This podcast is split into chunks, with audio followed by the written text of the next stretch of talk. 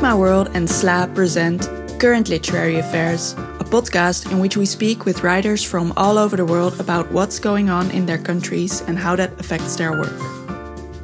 In this episode, Gulden Yilmaz speaks with Ukrainian writer Oksana Zabuzhko and Dutch Ukrainian translator Marina Snoek about war misconceptions, translating literature, and the importance of maintaining the Ukrainian language.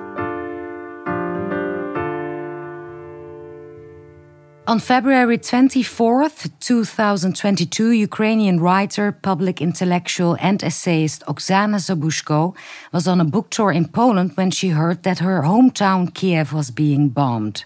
Her involuntary exile had begun. Since then, she has been speaking and writing about the war to Western media non-stop. Zabuzhko became famous with her groundbreaking feminist novel Fieldwork in Ukrainian Sex and has written many books and essays since, like The Museum of Abandoned Secrets, a multi generational saga about Ukrainian history. Oksana, welcome. Thank you very much. Hello. It is an honor to have you. Also with us is Marina Snoek, an artist, interpreter, translator from Ukrainian and Russian into Dutch. She translated several novels and stories by Oksana Zabuzhko, so you know each other, like the book Sisters we are going to talk about. And you also translated Fieldwork of Ukrainian Sex and also many other Ukrainian writers. You grew up in Luhansk, uh, went to the art Art Academy in Kharkiv, and you have been living in the Netherlands for 30 years. Welcome, you're joining us in the studio here in Holland. Thank you very much. We are recording this episode on the 22nd of January, almost a year after the war started. And sadly, it's not over yet. The Ukrainians are still fighting for their country. And Oksana, like I said, you are in exile now, in a residence in Poland, joining us through Zoom. How are you? Well, to begin with, Gulden, I'd like to make a small correction to what you said. You said it's going to be a year of war soon. Well, it's uh, going to be nine years of the war for Ukraine because for us, the war started actually with the shootings at Maidan, February the 20, 2014 and the annexation of Crimea, which followed two days after, that was the beginning of the Russian aggression against Ukraine. With all the subsequent events, you know, that I try to cover briefly in my uh, yes. uh, uh, longest book tour. Yeah, yeah. Um, well, but uh, yes, it's an atmosphere of being at war which has been accompanying me for all these nine years. So it is not that I was rudely awakened on February 24 last year. No. Mm-hmm.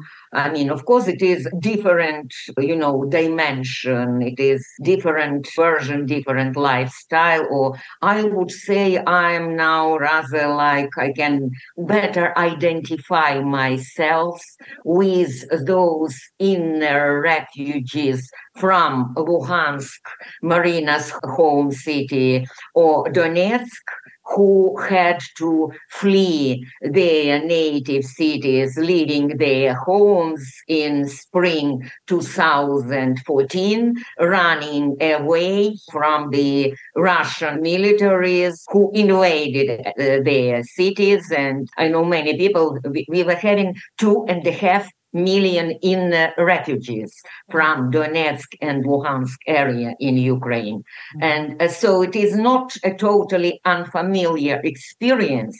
You know, when you have to be this temporarily displaced person for multiple reasons or reasons that you made up uh, like like my feeling that i am on a book tour. It was not my choice. I did not leave the country voluntarily. I was caught up in the process of writers' regular work, like promoting their own books. So I, am still supporting this kind of illusion that mm-hmm. I am at work, and uh, partly it's true. But yes, it is the experience of being at war, the experience which is, I understand, very unusual for the Western Europeans for whom the real war experience is mostly associated not maybe with the mm. Second World War that much as in the eastern part of Europe, but with the First World War. So it is not something that you have in your living memory. But for me, the war experience is not something to be outlawed in my mental picture. And yes, for the last nine years, it's been a part of my life. Of course, right now it's extreme, you know, this last year since February 24. But basically, you know, now that I look back at uh, what I've been writing maybe for my whole life, well, then I'm coming to the conclusion that I've always been, in a way, war writer, if not directly, then indirect. Yeah, this is one of the misconceptions you write about in your book, The Longest Book Tour, that we in the West think the war started one year ago. We're going to talk about these misconceptions, but Marina, you are from Ukraine too. How has this year been for you? How are you doing? It's extremely tough year, of course, but I completely agree with Oksana. It's not the first year for me. Mm -hmm the first year was, of course, also 2014 when my mother city uh, was invaded by Russian soldiers. Uh, I haven't lived already there for a long time, but Fortunately, my parents had left the city also for some years. I was uh, really very fortunate, but I know enough other people which had to flee the city because they couldn't leave this idea to live in an invaded city. Which and then, is that? Lugansk. Lugansk. Lugansk. And then what also happened and was very important for me the tragedy with MH17. There are a lot of Dutch people left their lives, uh, and it was on my mother ground actually. It's uh, triggered a lot of feelings then, and I was also involved as a translator and interpreter. I was quite involved in the investigation, and it didn't leave me for a very long time, this tragedy. And then we had to learn to live with the country, cut it in pieces, cut it off, I wouldn't like to use the term dismembered. It is quite strong, maybe too strong, but we had to live with an idea that we were humiliated by someone else, harassed and humiliated. And then everybody hoped and lived with the hope that it will not happen again. Okay, we brought our offers, they cut pieces of our land, but we have to go on. Yeah and that they just came back. I know that a lot of people just didn't uh, want to believe that it will happen again. So my family, which I called already for some weeks and some days before the war, and I told them, look, what is going on? You have to leave. Mm-hmm. It's not safe for you to stay there. And eventually they left at four o'clock in the morning at, at the very first uh, day of the war.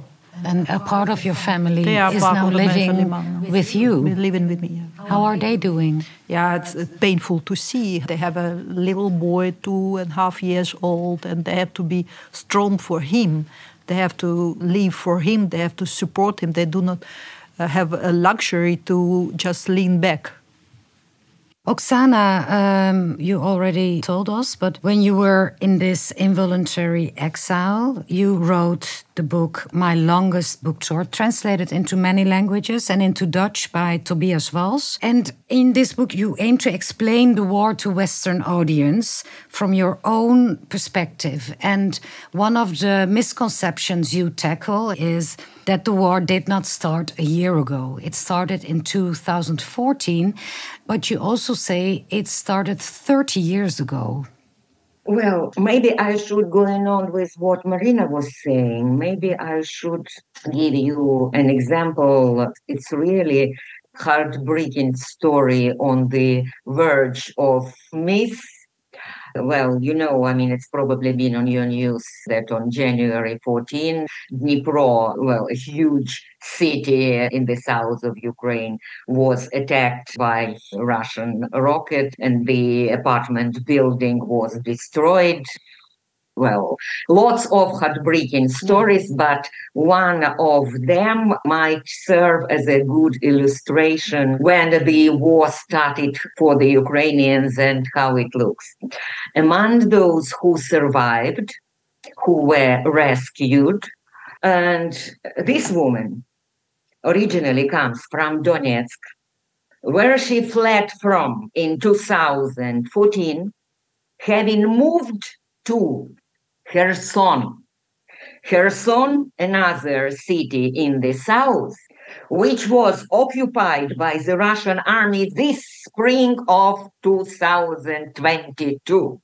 So when Kherson was occupied, uh, she fled along with her husband to Dnipro, having taken all her possessions for the second time. The second time refugee, she moved to Dnipro and it is there in Dnipro for the third time. The Russians got her finally. She was wounded, but she survived. She lost a lot of blood, but she survived. Like three times. Three times Russian military machine was trying to kill young, vigorous lady full of life, a girl from Donetsk. Donetsk Kherson, Dnipro.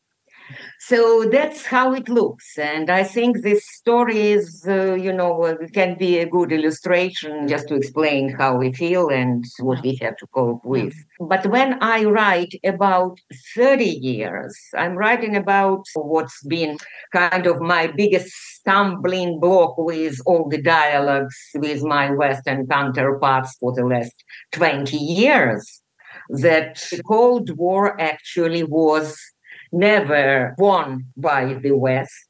It was never over. It was stopped on the side of the West unilaterally. It was West who believed that it is over while the succession of all these old KGB methods under the changed, disguised of the new Russia, well, it's been going on. There is an mm-hmm. absolutely direct succession in the same methods and in the same Cold War subversive tactics Russia still remained an empire. It just was transformed into an empire run since 1993 by the secret police alone. They got rid of communists. Mm-hmm. Communists have been the only opposition to the current Russian regime. Thank you very much for such an opposition, but but that's true. So they got rid of the Communist Party, and you know the KGB successors became the monopolist rulers of the empire. So, mm-hmm. in fact, the current version of the empire, I would say, is even more inhuman than it used to be in the Soviet times, which incidentally explains this Soviet nostalgia, which you can hear from the Russians. It is really worse nowadays in Russia than it used to be for the Russians in the Soviet time. Yeah, and you explain in your book that these misconceptions uh, that the war did not start a year ago and it's also not a local war, it's a war of the worlds. So you took it as a mission to write about it, but you also write about Russian literature and scholarship. You published an essay about this in the Times Literary Supplement titled No Guilty People in the World World literature After the Bucha Massacre. What did you intend with this essay? To raise more awareness, first and foremost, uh, within the Slavic studies, which used to stay very, I would say, Russocentric and very collaborative with regard to the current policies of Kremlin. For 20 years i've been you know collecting the information when visiting western europe and presenting my books in translation. I was getting this knowledge of this misunderstanding. And in the 90s i was teaching ukrainian culture for two or three semesters in the united states. So i do know what's missing in the western slavic courses. And i was like you know, this perfidious woman. I was nodding my head and saying, yes, so intended, because that's exactly the audience whom I was addressing, saying, yes, you are, you Russian scholars, you've missed your job you've missed your mission. You know the language, you know the culture, you are kind of insiders. So it's been your professional duty to have warned your public, your countries, mm-hmm. your academia about rising fascism, about this new Nazism growing at a very rapid speed in the northeast of the European continent. And you've totally missed this job. You've totally missed the mainstream of Russian culture, which has been turning extremely toxic, extremely militant, extremely aggressive, war launching, so to speak. And yes, you were pretending it does not exist. You were focused upon very niche things. And now the question is where you have been. The question is what's been wrong with the textbooks that you guys were studying at your universities. That's what I mean, you know, by saying it's time that these changes are not going to happen overnight you know, the news that you see on the TV are not going to change your picture of the world. I mean, uh, we always seeing the bombarded cities of Syria on our, you know, TV screens.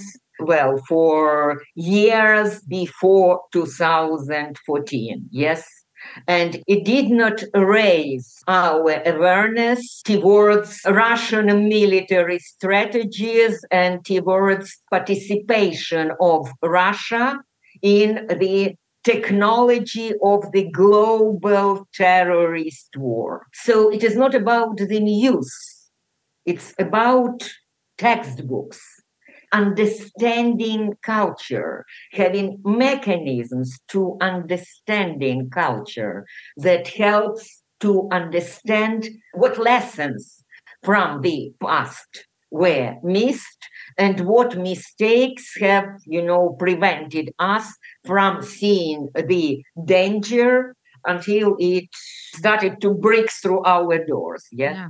The voices like that of Ewa Thompson, who had published 20 years ago a study on Russian literature and colonialism, were staying marginalized. They were never in the mainstream the mainstream was basically repeating the same narration which Putin uses now in his speeches, trying to justify the prospective annexation of Ukraine. Like one people, brotherly nations, fraternity, orthodoxy, one language, one church. I mean, this is all this is all bullshit. it, it is this whole imperialistic narration coming back from the Tsarist times which has been replicated for generations in uh, Slavic studies. And yes, I'm very happy, you know, that this essay caused controversy in Slavic studies, that the new generation of Slavic scholars calls it, uh, I've heard this, you know, in German speaking countries, an eye opener like what about other slavic cultures what about not just Ukrainian or Belarusian for that matter? What about Slovenian? What about Montenegrin? What about the whole continent, you know, of mm-hmm. Slavic languages? What about the Balkans, of which only Serbian was the subject of interest, and so on and so forth? So it, it did raise the more awareness towards the things previously missed. And I'm really happy to be a part of this I would say, awakening process. Yeah, because in this essay, you're saying that Russian a classic literature has been always talking about this expansion that we are living now. Well, the Russian, the classical Russian literature, yes, has been collaborating yes. with the Russian authorities on the imperialist issues. Yes, there is no anti colonialist trend in Russian classic literature. Of course, it is more, much more complex than yeah. that. But this should be taken into consideration when reading Russian writers whom we all love, like Tolstoy's War and Peace and Anna Karenin, I think should be on the must read list of top 100 novels for every educated person. But let's not forget, it used to be a showcase of the empire. And Tolstoy was writing about, not about Russia. Tolstoy was writing about the life conducted by 500 top aristocratic families. You are not going to understand Russia by reading Tolstoy and identifying yourself with his characters. No. It is a kind of a, you know, this smoke screen, what becomes visible when you now follow the tens of thousands of crimes perpetuated by Russian troops on Ukrainian territory. And then you ask yourself, hey, where is Tolstoy? Where is Tchaikovsky? Where is Rachmaninov?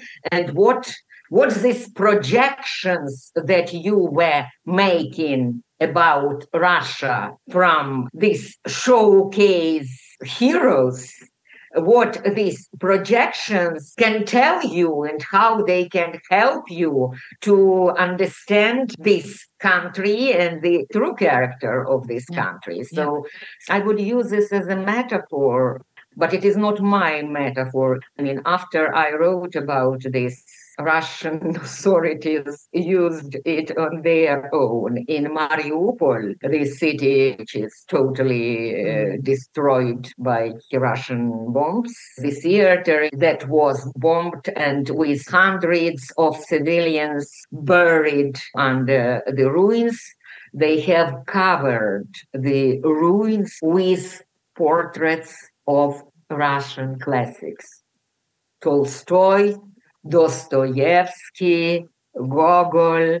So you can't really think of more horrifying metaphor of what is Russian literature used as a soft power by the Russian state. Mm-hmm. For it was never, in fact, independent. It was never supported by its society. It's been always supported by some kind of state sponsorship. So that explains this very complex and un-European and un-bourgeois relations between Russian classical literature and Russian imperialism. They are kind of beneficiaries, mm-hmm. and they do remain beneficiaries of Russian expansion. And your essay led to a big debate. Ian Buruma, a literary critic, wrote a counter essay titled Stop Blaming the Russian Soul. And he states that to see the war as a conflict not only with Putin, but also with Russian culture, and to treat all Russians as existential enemies is a great gift to the Kremlin. It helps the persecution complex Putin needs to keep the Russian people on his side. I think it's very naive and very outdated Mm-hmm. Why? uh, because it is not Putin uh, who performed over 40,000 military crimes on the territory of Ukraine. It was not Putin, I'm sorry. These are mass crimes performed by the soldiers of the Russian army. This army should be prepared. There should be a certain public consensus existing about this war, a certain public consensus of hatred, I would say. Every totalitarian society, as Hannah Arendt put it, is the society of lonely, autonomous individuals. They are all separated. There is no civil society in Russia other than controlled by the authorities to which these people delegated their free will, so to speak. So it's a matter of consensus. It's a very simple political truth. This can be read in all textbooks on political science. Yes, totalitarian societies are those are sick societies, very sick societies. And yes, stopping blaming writers, artists, people of culture for the state of mind of their societies is extremely denigrating for these writers and people of cultures. It means we are good for nothing. Well, then, of course, the immediate question which appeared the day after the crimes in Bucha were revealed, many lovers of Russian literature all over Europe I've heard it many times. Why do I need to read this literature if it brought up a society like this? Of course, it's a simplification, but it is a very simple formula that describes the feelings of thousands and thousands of readers. Time to reread, time to rewrite. I know Russian scholars in the West who have who started to do this job of reworking and reviewing you know their approaches after 2014 mm-hmm. so the sooner the better of course the inertia is going to last for for years but that's a normal process it doesn't happen overnight the important thing is that certain things should be pronounced. And now, okay, it's already inevitable. Russian soul does not exist. To begin with, let's cross it out from our vocabularies. Russian soul does not exist. And some people think in this debate that you cannot say that also, like the Russians cannot say there's no Ukrainian language. But is this the same saying there is no Russian soul? What do you exactly mean with it? Because Russian soul is a totally mystical concept. You know, it's an old conversation. Okay. It's a Slavophiles mythology, Russian soul time to say goodbye to this mythology and to be realistic and to speak in terms of, yes, the pre modern empire, which cannot be transformed or democratized unless it falls apart as an empire. You can't have democratic empires. No, No. Oksana, if you allow me to make just a small side remark, this famous Russian soul, it's a recipe for impunity. Because if you are special, you are different from others, you are not accountable. So it's really time to bury this concept. Thank you very much, Oksana, for a very reassuring comment. Yeah. yeah in this light of the war that has been going on for a lot of years, how is your relationship now, Marina, with the Russian language? Because you were raised with that language.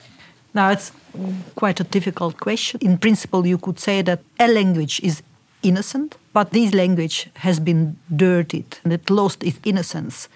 But from the uh, other side, I've been quite bilingual And uh, this is actually not only due and thanks to the fact we learned of course, at our Russian school, the Ukrainian language as a second mother tongue. It was mostly due to happy coincidence that my mother uh, was a big lover of Ukrainian language and that she was teaching for 10 years Ukrainian language at school for young adults. And she helped me to learn language in a different way. She read me poems uh, uh, which were not allowed. Poets we were learning at school, for instance, Tychyna, Traktor Poli, поле, der der. My, my mother was, was reading me his lyrics, which absolutely marvelous. She helped me to read and to feel uh, works of Lesya Ukrainka and so on, so on. So thanks to her, I kept the love and uh, feeling of closeness with the Ukrainian language. Lots of others in my region, most people spoke Russian. Uh, so the Ukrainian language is a, a language of yeah rural people, of not educated people, it, and it's it not not strange. Then. It's not only perception, but it's not strange because there were hardly any educational institutes teaching in Ukrainian language. The Ukrainian language has been uh, actually squeezed out. It could exist uh, by official festivities like uh, folklore, that's all. For other purposes, you couldn't uh, use uh, Ukrainian language. You couldn't see yourself as an educated person because you couldn't follow any high education in Ukrainian. So it, uh, the language was doomed, the culture was doomed, and it was just counted on that that it will disappear itself. Yeah.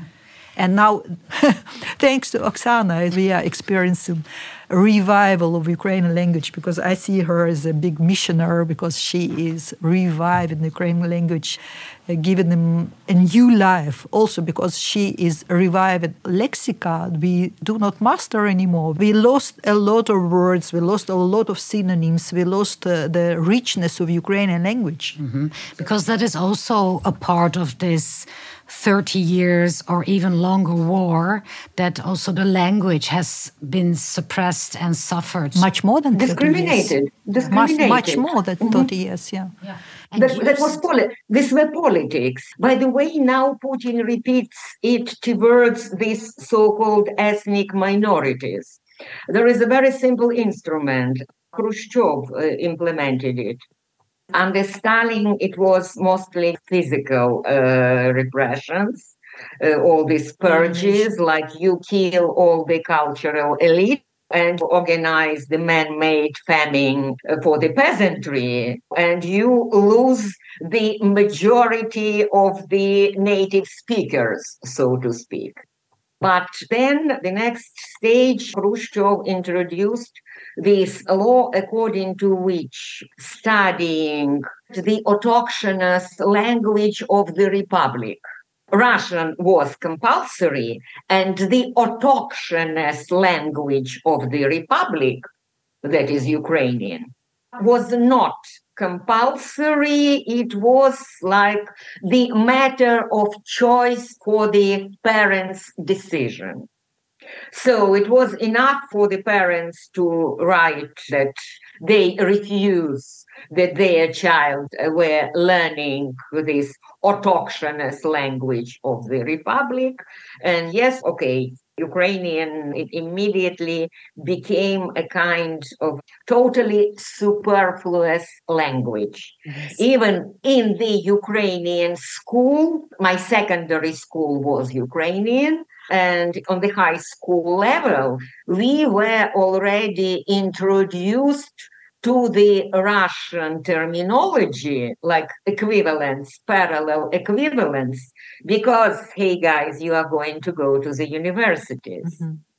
And in the universities, of course, there will be Russian because simultaneously, you know, in the 70s, writing, defending dissertation in this autochthonous language of the Republic was also forbidden, banned, because all the dissertations had to be controlled in Moscow, mm-hmm. centralized all over the Soviet Union. So the entire knowledge studies, this whole sphere of intellectual activities had been Russified from upside down and from down upside. The language pushed on the verge of extinction and one generation more and we all be speaking Russian. Khrushchev had it proclaimed overtly, the sooner we all start speaking Russian, the sooner communism will be built.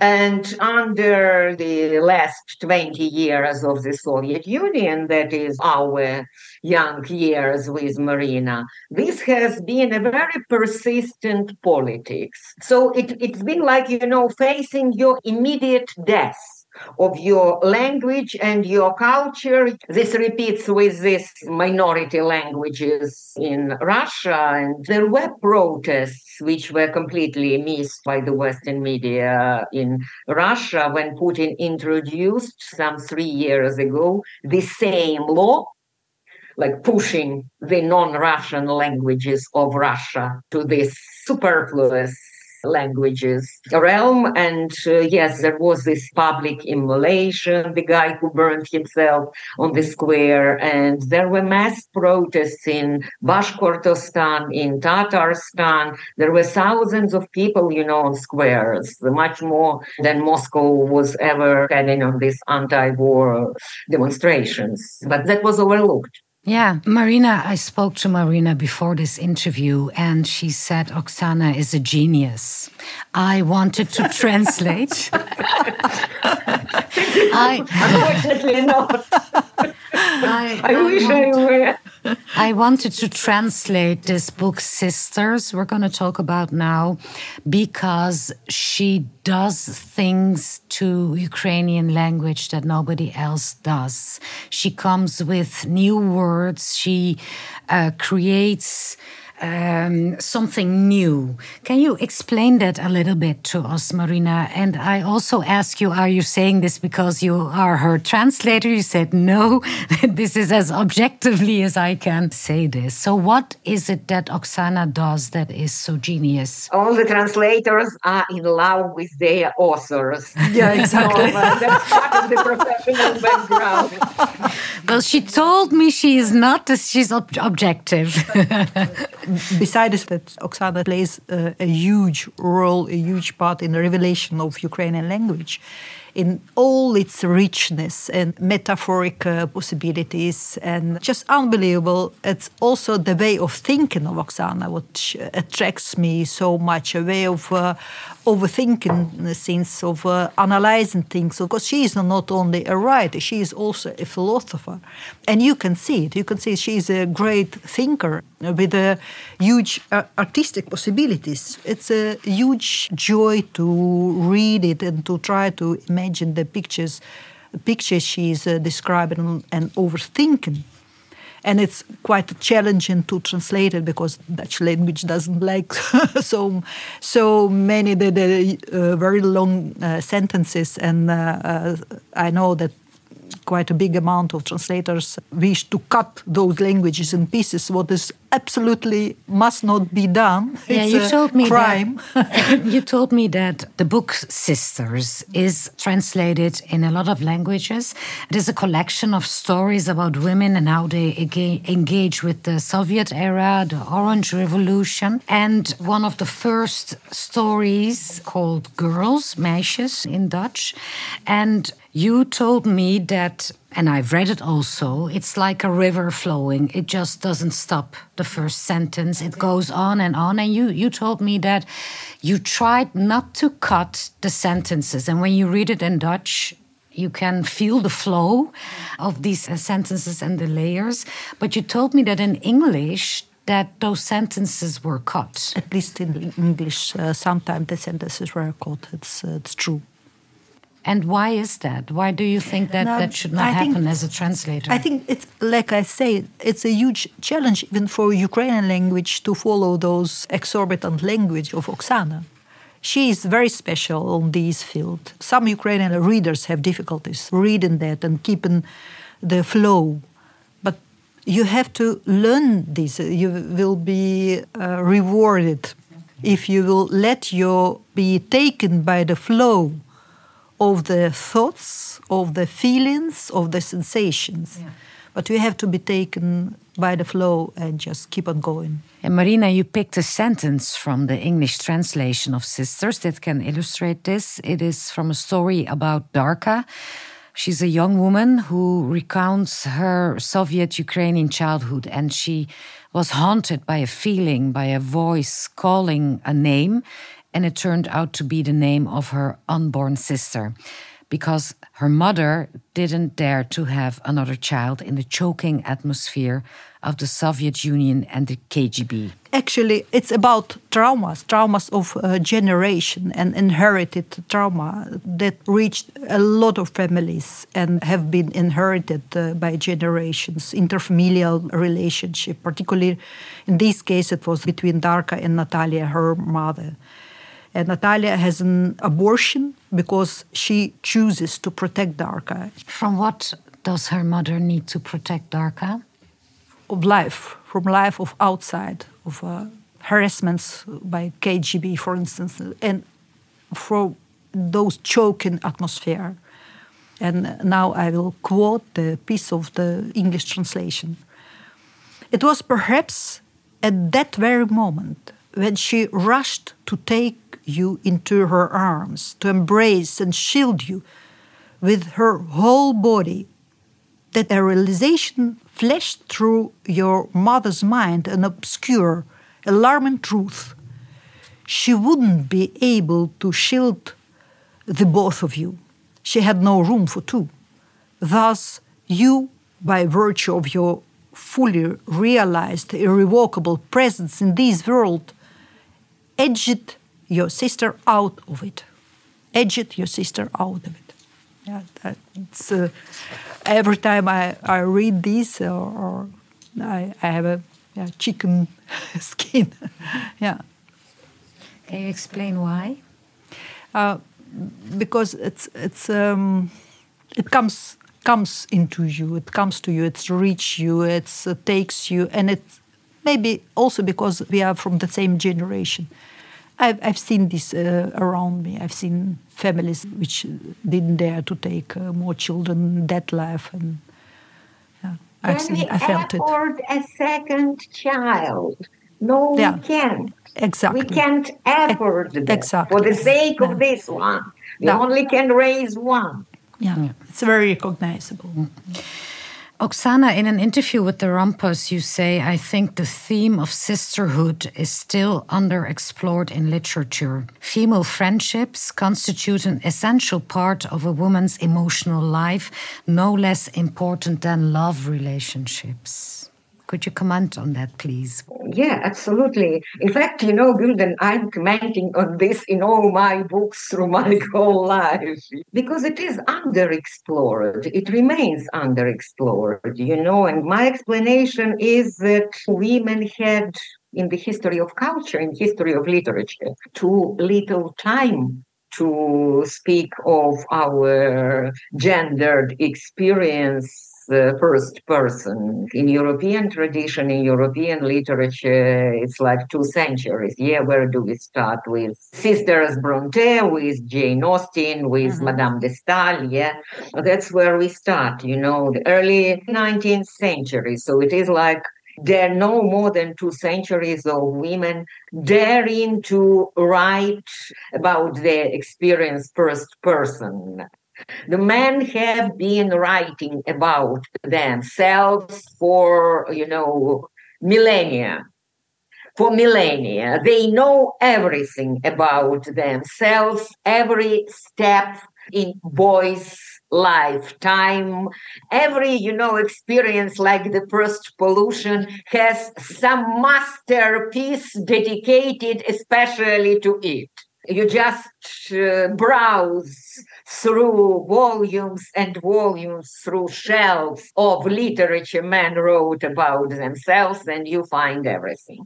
Uh, you won't find everything about women. That's what I've discovered after I've published the field work in Ukrainian sex, when I got this influx of feedback from female readers, you know, and women ranging from, you know, early 20s to late 60s saying, oh, thank you so much. That's my story.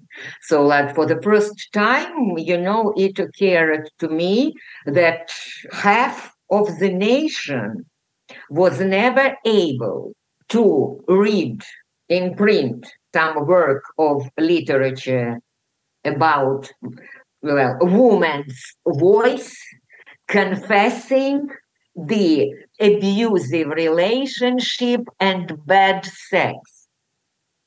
They were discussing only with their girlfriends, sitting in the kitchen, pouring their soul to each other. That's something which was not existing in my literature. I mean, my generation, our generation with Marina, well, we were still brought, you know, in the culture of these stereotypes of female friendship as something being mocked. Female friendship does not exist.